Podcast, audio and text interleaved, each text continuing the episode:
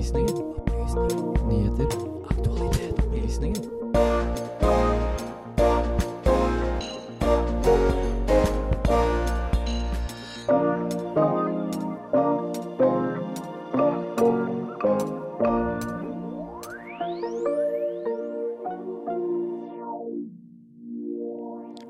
Rettssaken i Ringerike fengsel er ferdig. Men hva handlet den egentlig om? Og er terroristen Anders Behring Breivik en endret mann? Syv av ti norske jøder skjuler sin jødiske identitet. Det forebyggende arbeidet mot antisemittisme tar nok aldri slutt. Men vi skal gi deg en dypdykk i ulike jødiske identiteter. I sin nyttårstale til folket i Danmark fortalte dronning Margrethe at hun skulle abdisere. Hvorfor tok hun dette uortodokse valget?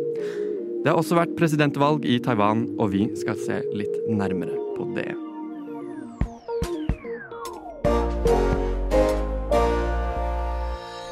God fredagsmorgen, hei og velkommen til eh, Opplysningen 99,3 her på Radio Nova.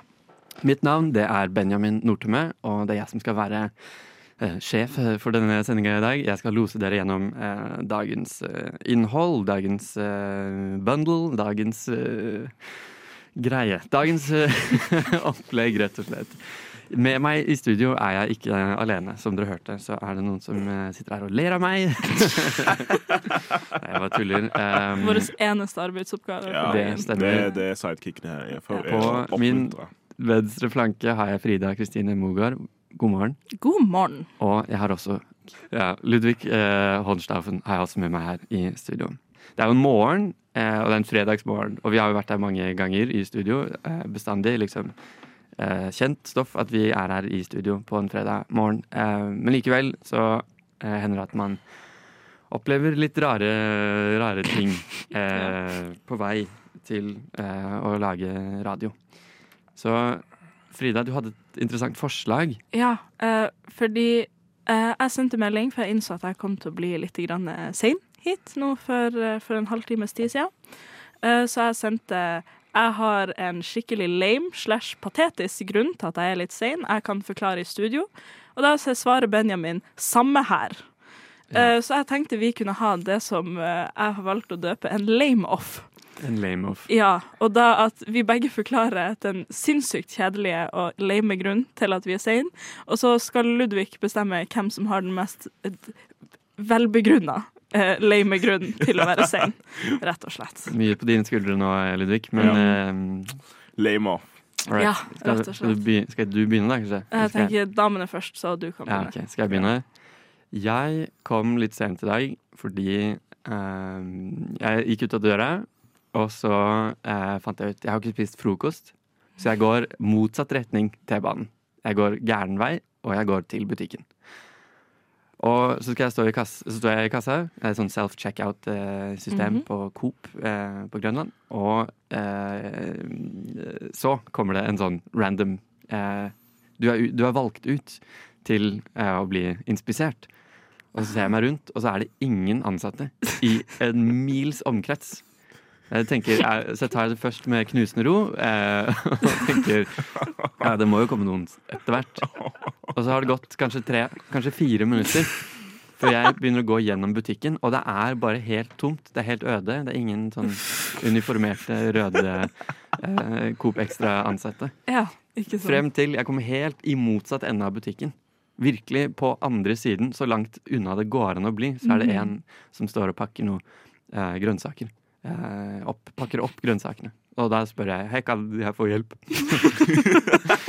eh, og ja, hun er da veldig forfjam- forfjamset. Eh, Ja, det, det var min eh, Det var din grunn. Altså, jeg tenkte Det er jo noe Ja. alle mest sannsynlig har opplevd. Kanskje ikke i den graden, men eh, nei. Min grunn Og det, det her er sånn enda teitere. Eh, jeg skulle kle på meg, og så kom jeg til stadiet der jeg skulle ta på meg sokker etter at jeg hadde tatt på meg longs. Sant? Og så prøver jeg å finne et par sokker. Alle sokkene mine har hull i hælen. Sånn hull større enn en 20-kroningsstørrelse på. Og alle sammen. Og det, det, jeg, jeg tenker sånn her Ja, OK, de første parene er sånn Ja, faen, det er kjipt. Det er noen par sånn skitne som, som ikke har hull, men de er skitne. Sant?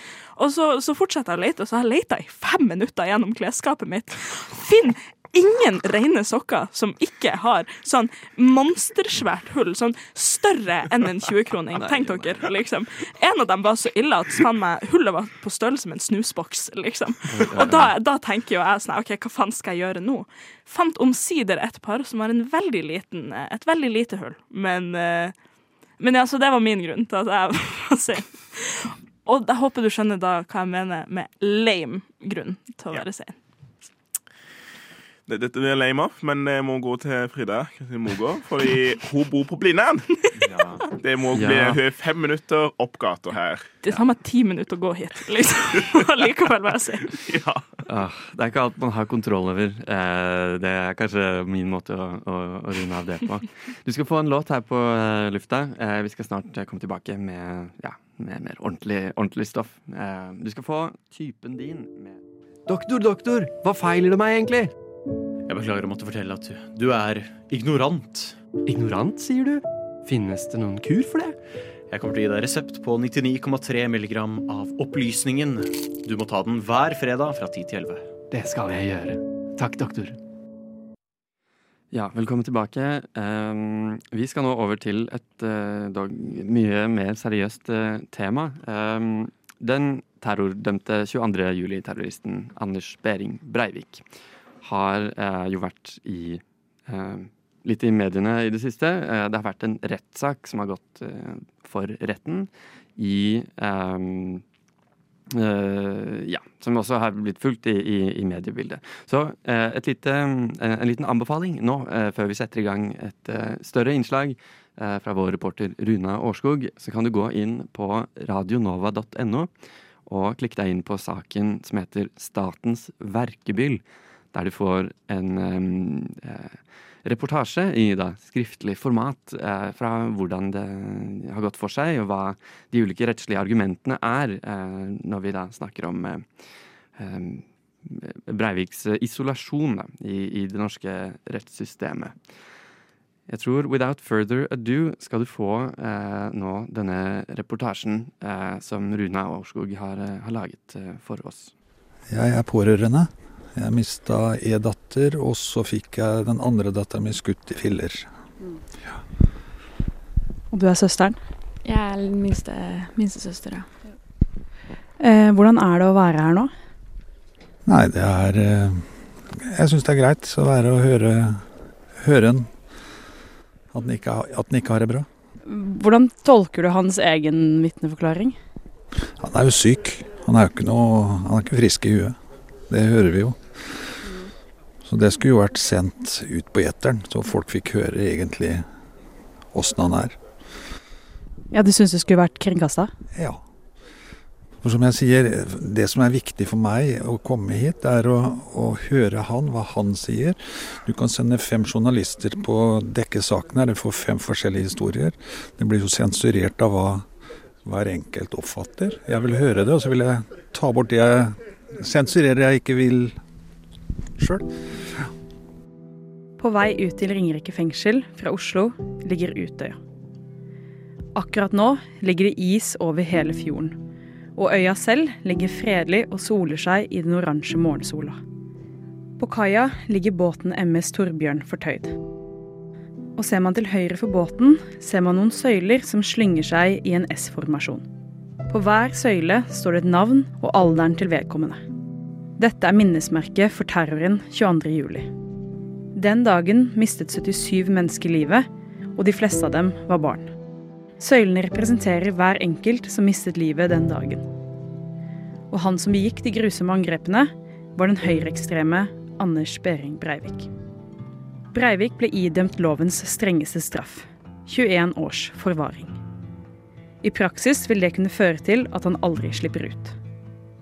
Per i dag sitter Breivik på det som kalles SHS, særlig høy sikkerhet, i Ringerike fengsel.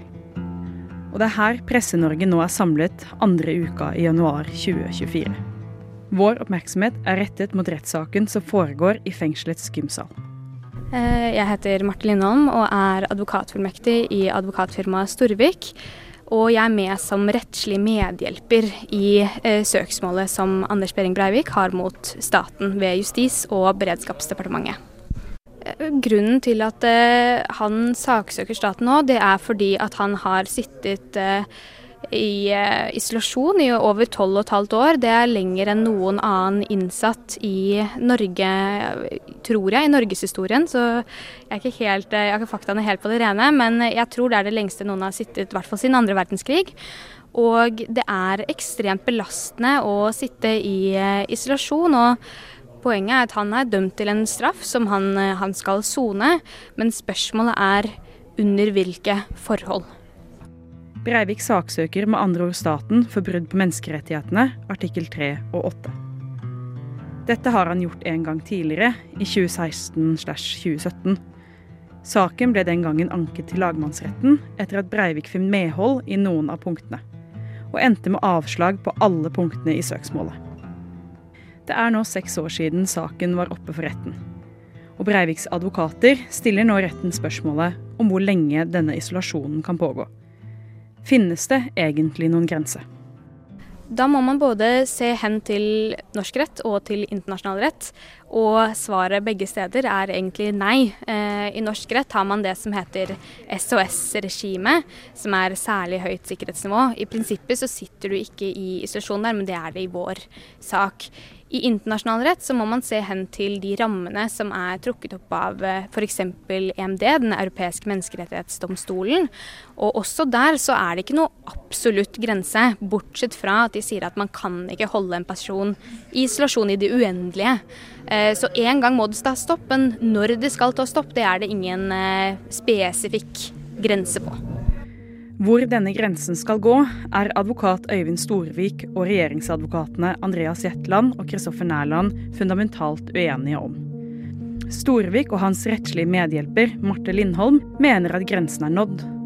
Mens regjeringsadvokatene på sin side argumenterer sterkt for at en slik grense ikke finnes, og at hver enkelt sak må vurderes individuelt. For å kunne forstå mer om omfanget av soningsskader som Breivik kan ha fått, som et resultat av isolasjonen, har vitneforklaringene blitt viktig. Hvordan soningsforholdene er i praksis, blir derfor sentrale. Eirik Bergsted, fengselsdirektør ved Ringerike fengsel, beskriver Breiviks soningsforhold slik. Eh, Breivik får eh, behandling ut ifra det trusselbildet og det situasjonsbildet som er der. Han blir behandla eh, vennlig, høflig og, og, ivaretatt på en god måte. Og vi har hensyntatt de, de innspill som både tidligere tingrett og lagmannsrettsdommer har, har, spilt inn, og, og, ivaretar han på en, en forsvarlig og god måte ut ifra det sikkerhetssituasjonen som er rundt vedkommende. Jeg tror jeg tenker på, Er det noen grunn til at han blir, eller blir han behandlet annerledes enn de andre som sitter på særlig høy sikkerhet? Uh, Breivik får et, et, tilbud som er tilpassa han. Uh, det er, det, og, og, så vil, vil, bygger vi disse tilbudene på særlig høy veldig eh, individuelt opp mot den enkelte innsatt av de utfordringene. Noen er svært utagerende, noen har andre typer utfordringer spillet. Så men vi har bygd en, en, en, pakke rundt Breivik som gjør at han kan være over tid på det regimet han er i nå. Soningsforholdene rundt den enkelte er med andre ord individuelt tilpasset. Og per i dag prøver fengselet og kriminalomsorgen å tilpasse det slik at han ikke får noen isolasjonsskader. De andre vitneforklaringene forsterker i stor grad det Bergstedt beskriver. Avdelingsleder ved Avdeling for særlig høy sikkerhet, Christian Hesthagen, beskriver dagene til Breivik som varierte. De fengselansatte jobber mye for å skape en tilværelse Breivik er fornøyd med. Også vitneforklaringene til psykiater Janne Hermansen og psykolog Inni Rein tilsier at det virker som Breivik har det bra. Han gjør ting han selv liker, og det eneste som trekker ned, er at han til tider føler seg litt ensom. Rettssaken er ferdig, og det som gjenstår, er dommen. Fengselsdirektør Bergsted er derimot klar i sin tale siste dagen av rettssaken. Dette er en spes svært spesiell sak med en svært farlig mann, som vi har av eh, flere sikkerhetsmessige årsaker under veldig strengt regime her. Eh, det regimet ser personlig er ikke er mulig å gjøre noe med helt umiddelbart. Han må endre seg. Breivik må ta avstand fra sin, sin, sitt tankegods eh, og gjøre endringer. Det er han det står på når disse endringene skjer og vi kan observere det over svært lang tid, så vil vi kunne være i en situasjon hvor vi kan vurdere annerledes eh, sikkerhetsregimet han. Men per nå ser jeg ikke eh, noen annen løsning enn at han blir å oppbevare på avdeling for særlig sikkerhetsnivå. Og I så måte så støtter jeg naturligvis fullstendig på regnskapsforvalteren sin redegjørelse i dag, som da helt klart eh, går i den retning. Ja, For han har ikke endret seg på de tolv årene han har vært innsatt? Kriminalomsorgen kan ikke se at Breivik har endra seg i det hele tatt. Han har samme tankegods, samme intensjon. Han er fortsatt en svært farlig mann. Eh, har tatt livet av 77 eh, personer eh, og skada svært mange. Vi, vi, vi, legger til grunn og, og, og, mener bestemt at han er en svært farlig mann, og da tar vi vare på han deretter. Under rettssaken var nyhetsbildet i stor grad preget av akkurat det som foregikk og ble sagt i Ringerike fengsel. Det ble skrevet og rapportert i stor grad om soningsforholdene, Breiviks mentale helse og hva advokatene la til grunn. Og til tross for den brede mediedekningen var det én ting jeg syns manglet. Nemlig at Breiviks rettssak, både denne og fremtidige, alltid må ses i lys av det han gjorde sommeren 2011. 77 mennesker ble drept. Og mange ble påført fysiske og psykiske skader for livet. Miriam Einangshaug var en av de som kom levende fra Utøya den 22. juli 2011. Under rettssaken satt hun foran meg og lyttet til mannen som for 13 år siden prøvde å ta livet av henne. I et intervju med henne spurte jeg om det var noe hun syntes var viktig at folk som ikke var her, fikk vite. Og det er svaret hennes som blir avslutningen på denne saken. Jeg tenker jo at det alltid er viktig å huske på hvorfor vi er her. Altså hvorfor han sitter under de forholdene han gjør. Det er 77 mennesker som ikke er her i dag. 69 eh, drept på Utøya, 8 i regjeringskvartalet. Det er unger ned i 14-årsalderen. Eh, det er voksne. Det er folk som ikke, ikke fikk være mer pga. han. Eh, og det tenker jeg at det er veldig fint at man tar inn over seg. da. selv Sjøl om Breivik kan fremstå som merkelig og han sier mye rart og sånne ting, så er dette her et menneske som er, har vært i stand til å ha tatt 77 menneskeliv. Um, det, det må vi alle glemme, da. De pårørende du hørte i begynnelsen av denne podkasten, var Freddy Lie og hans datter Victoria Trønnes Lie. Tusen takk til alle som stilte til intervju. Og tusen takk til vår reporter eh, Runa Årskog der fra Ringerike tingrett. Jeg liker mine nyheter, saker og debatter. Opplysningens dag. Aldri redd, alltid balansert. Det stemmer, det stemmer. Aldri redd, alltid balansert. I dag, i dag, mens du hører på, i dag, så er det fredag. Og Frida, når jeg sier fredag og jøder. Hva tenker jeg på da? Det kan jeg ikke svare deg på, dessverre. Få prøve meg her borte. Ludvig. Fredag og jøder. Hva, hva, betyr det? Hva er det jeg vil? Sabbat? Sabbat, det er riktig. Sabbat. Uh, sabbat. Uh, Shabbat shalom, uh, litt på forskudd til den, den, det måtte gjelde. man pleier å si det når solen har gått ned på en fredag, så er det da eh, offisielt hviledag.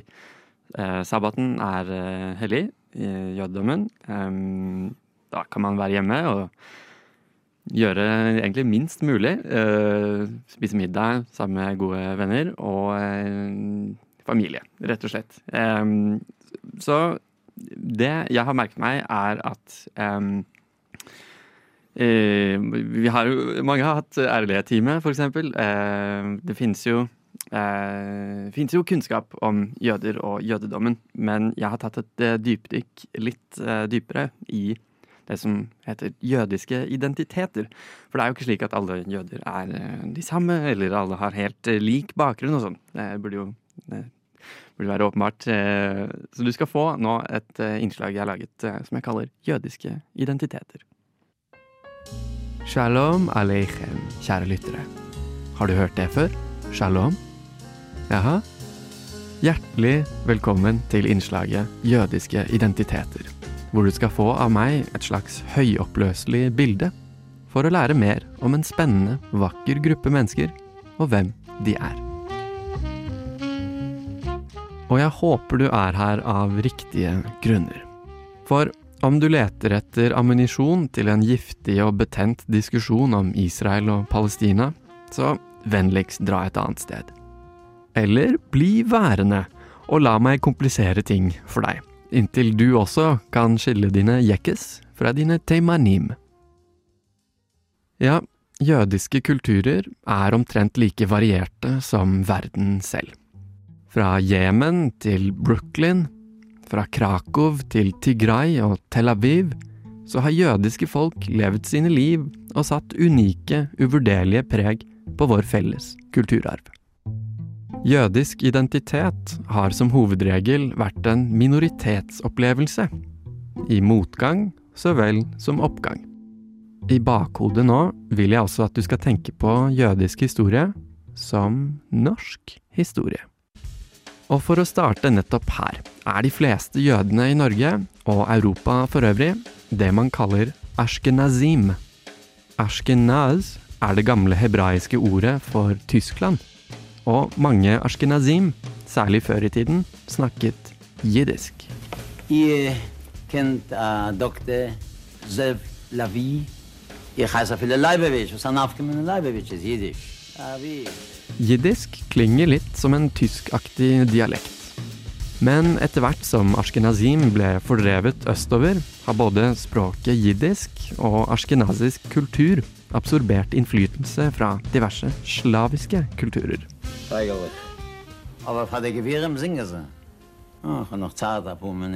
Og den 17. mai 1814, da eidsvollsmennene innførte paragraf 2 i Grunnloven, som forbød jesuitter, munkeordener og jøder adgang til riket, ja, da var det disse ostjuden man siktet til. Ironisk nok, på dette tidspunktet hadde trolig få, eller ingen av eidsvollsmennene møtt en eneste jøde. Vel, om man så nektet Ashkenazim å komme til Norge, var det noen jøder som fikk adgang til riket likevel. Og stikkordet her er merkelig nok fisk. For å lage bacalao måtte kjøpmenn fra Syd-Europa helt opp til Lofoten for å kjøpe tørrfisk. Mange av disse var jødiske, og norsk fiskerinæring kunne ikke gå til grunne for litt enkel eh, rasisme. Disse jødene er altså sefardim, og sfarad betyr Spania. Frem til den spanske inkvisisjonen så bodde disse jødene i relativ ro og mak på den iberiske halvøya.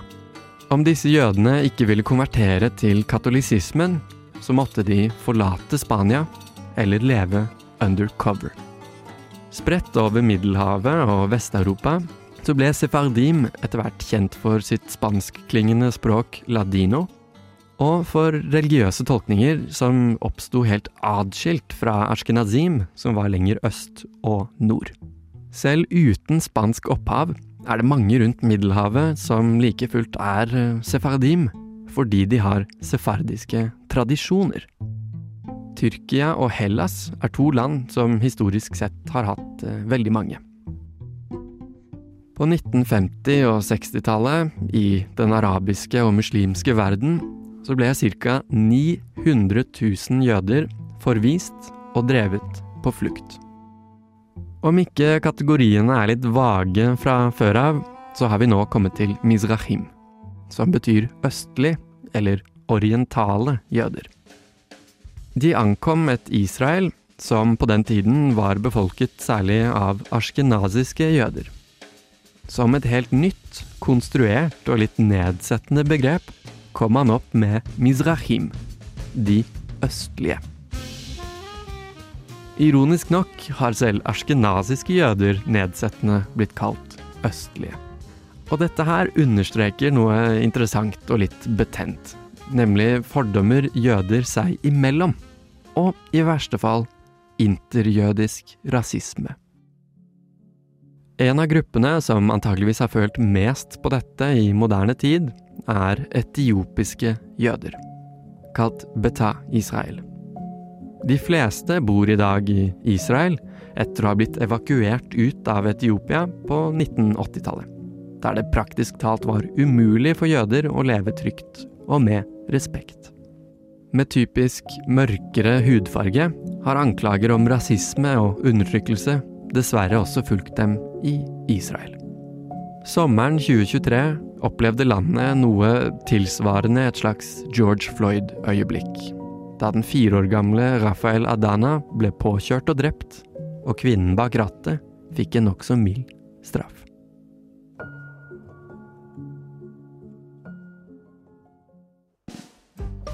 Jøder som har tysk bakgrunn, har typisk blitt kalt jekes. Det kommer av ordet jakke.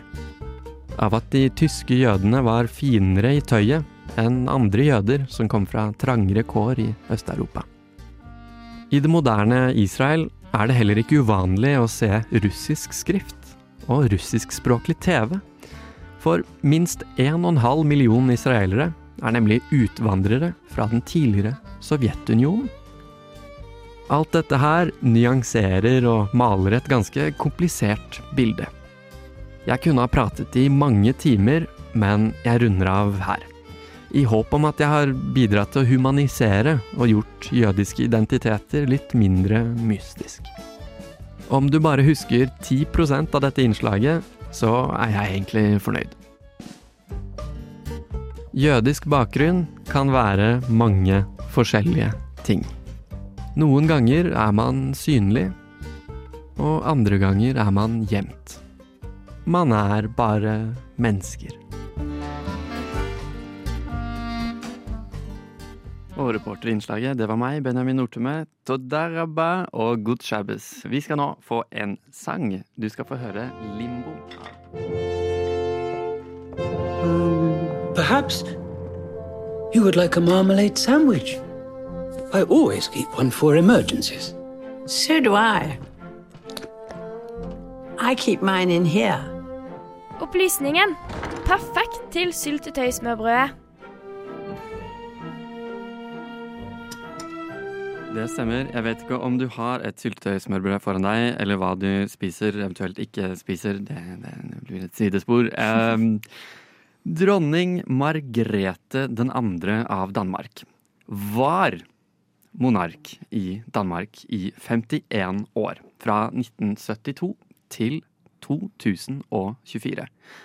Frida, du var på jobb eh, da dette skjedde. Eh, Ja. Kan du kort forklare hva som skjedde? Nei, i sin eh, velkjente nyttårstale så annonserte dronning Margrethe til det danske folk og til verden at hun eh, abdiserer nå ved nyåret, og gir over da tronen til sin sønn.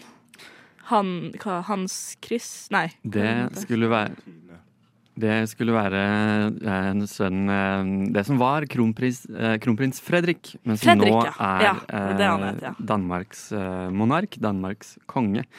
Du skal få høre litt mer om dronning Margrethe, hvem hun var, og kanskje også noe av grunnlaget til hvorfor hun har valgt å abdisere. Følg med. Det er 31. desember 2023, og klokken jobber seg framover mot midnatt. I Danmark gjør dronning Margrethe den andre seg klar for å holde sin årlige nyttårstale. Ikledd et lille antrekk setter hun seg ned i stolen og starter talen. Og mot slutten av talen kommer sjokknyheten. Den 14. januar 2024, 52 år etter at jeg etterfulgte min elskede far, vil jeg træde tilbage som Danmarks dronning. Jeg overlader tronen til min søn, kronprins Frederik. Dronning Margrethe andre skal abdisere etter 52 år på tronen. Hun gir nå kronen videre til hun har sønn Fredrik den tiende. For å hedre dronning Margrethes rekordlange tid på tronen, ser vi tilbake på hennes lange og innholdsrike liv. Vi spoler 83 år tilbake i tid. Margrethe Alexandrine Sorhildur Ingrid ble født 16. april i 1940. Hennes fødsel kom kort tid etter at nazistene okkuperte Danmark, og ble sett på som et lyspunkt i den ellers mørke tiden. Til tross for å være foreldrenes førstefødte barn, var Margrethe ikke den offisielle tronearvingen før hun var 13 år gammel. Da kom det en ny lov i landet som sa at det var mulig for en kvinne å være arvefølger av tronen, så sant det ikke ble født en gutt i familien. Det ble det heller ikke, men Margrethe ble stolt storesøster av sine to yngre søstre. Da hun ble 20 år gammel, satte hun i gang med sin akademiske karriere. I løpet av fem år skaffet hun seg utdannelse i bl.a. arkeologi og statsvitenskap fra universitetet i Danmark, Storbritannia og Frankrike. Hun behersker òg flere språk, og snakker fransk, svensk, engelsk og tysk, i tillegg til dansk. Som 30-åring blomstret Margretes kunstneriske side. Siden 1970-årene har hun vært utøvende kunstner og fått sin kunst utstilt i flere kunstmuseer, både i Danmark og utlandet. Tidlig i 1971 døde hennes far etter kort tids sykeleie, og dronning Margrethe tok over tronen den 14. januar samme år. Med hun på tronen gikk òg populariteten for det danske monarkiet oppover. Dronning Margrethe var en folkeskjær monark, og mye av hennes popularitet skyldes bl.a. at hun alltid har framstått som genuin, sagt sin mening og vært flink til å sanse hvor folkets sjel var, skriver danske TV 2. Et bilde flere har av Margrethe, er gjerne med en sigarett i hånden. Dronning Margrethe har fortalt at hun tok sin første sigarett som 17-åring i 1957, og har siden den tid blitt kalt en storrøyker av flere mediehus. I et intervju som hun gjorde med danske Weekendavisen tidlig i 2023, sa hun at nå var hun blitt så gammel at nå kan det være det samme om hun valgte å stumpe røyken eller ikke. Men så kom ryggsmertene.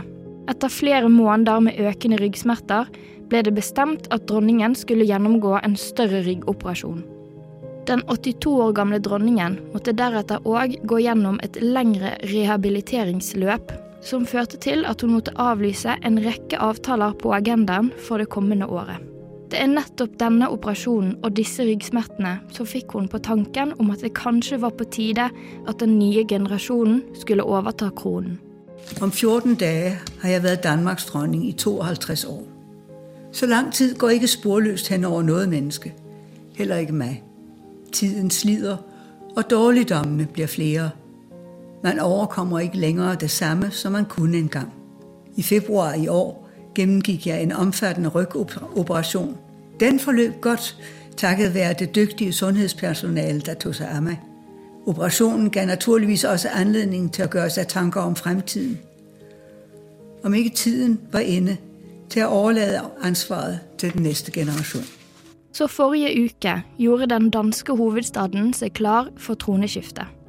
Selv om det ikke var planlagt en stor parade, som man fikk opplevd i London for snart et år siden da kong Charles ble kronet, var det forventet store menneskemengder utenfor Christianborg midt i København. Søndag 14. januar dukket det opp flere tusen dansker i København for å være til stede under den historiske begivenheten. Programmet startet søndag klokken fem over halv to med at både kronprinsparet og dronning Margrethe kjørte fra Amalienborg til Christianborg. Der signerte dronning Margrethe de offisielle abdikasjonspapirene under statsråd. Klokken tre gikk Fredrik den tiende og hans kone Mary av Danmark ut på balkongen sammen med statsminister Mette Fredriksen. Her utropte statsministeren Fredrik den tiende som Danmarks nye konge foran hele folkehavet ved Christianborg slott. Men dette blir ikke siste gang vi hører fra dronning Margrethe. Dansk TV 2 har nemlig annonsert at de skal produsere en TV-serie som skal skildre dronning Margrethes liv. Serien har arbeidstittelen Av Guds nåde, og skal være inspirert av storserien The Crown.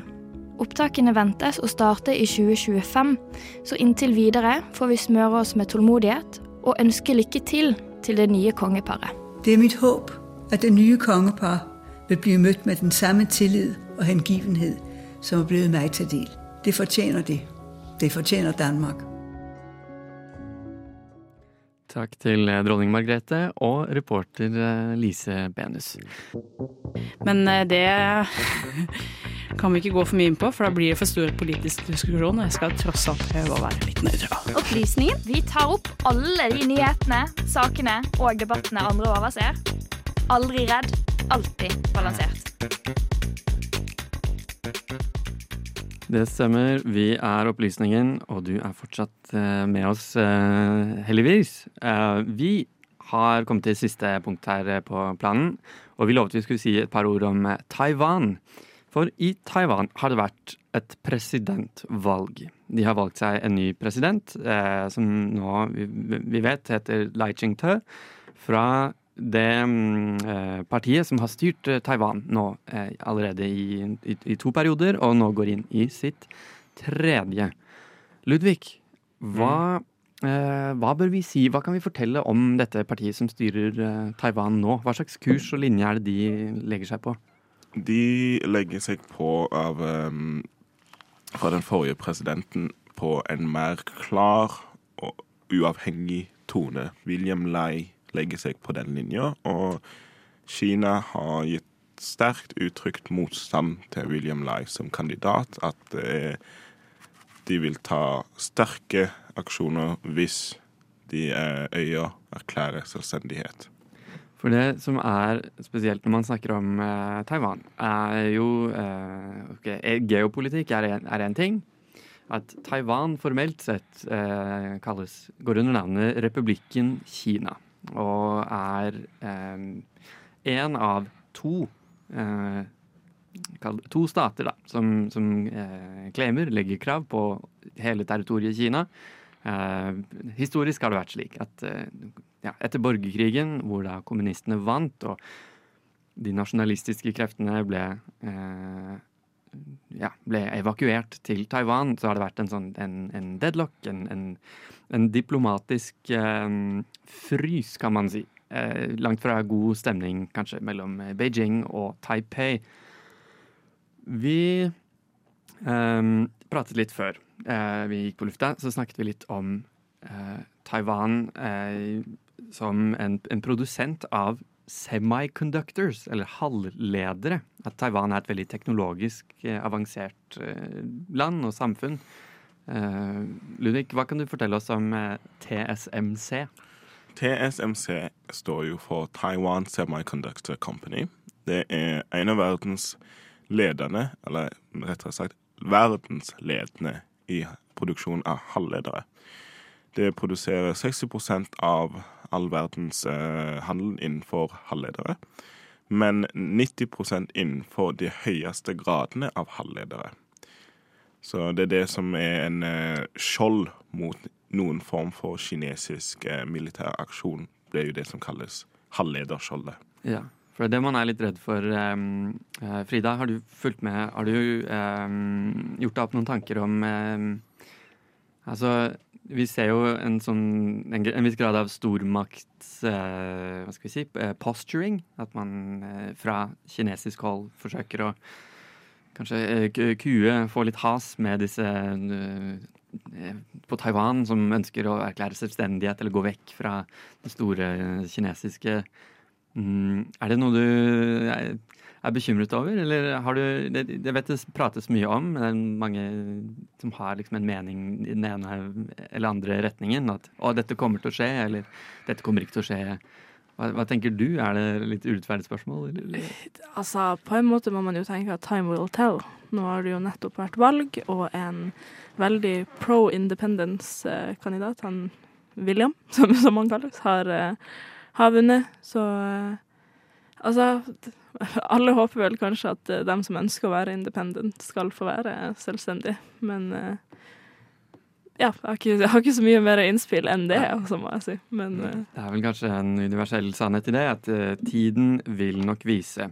Taiwan er jo da et relativt ungt eh, demokrati. eh, Har tidligere vært et eh, relativt mer autoritært eh, land, eh, men som har da en kjempefascinerende historie og en lang kamp da mot eh, eh, mot autoritære krefter eh, hjemme og på måte, i Kina også. Så Taiwan er definitivt et veldig spennende sted, og vi kommer nok til å snakke mer om Taiwan i løpet av 2024. Det er min eh, aldeles lille, lille spådom. Det spørsmålet har nok vært diskutert eh, veldig, veldig lenge. Ja, jeg gruer meg litt til det spørsmålet. Jeg satt og lette etter hva som egentlig var spørsmålet, og jeg prata meg litt bort. Dere stiller spørsmål. Vi forskere vi har jo lyst til å problematisere alt. Opplysningen. Vi stiller spørsmålene andre ikke tør å stille. Det stemmer. Du har hørt på nå en eh, snart avsluttet episode av Opplysningen 99,3.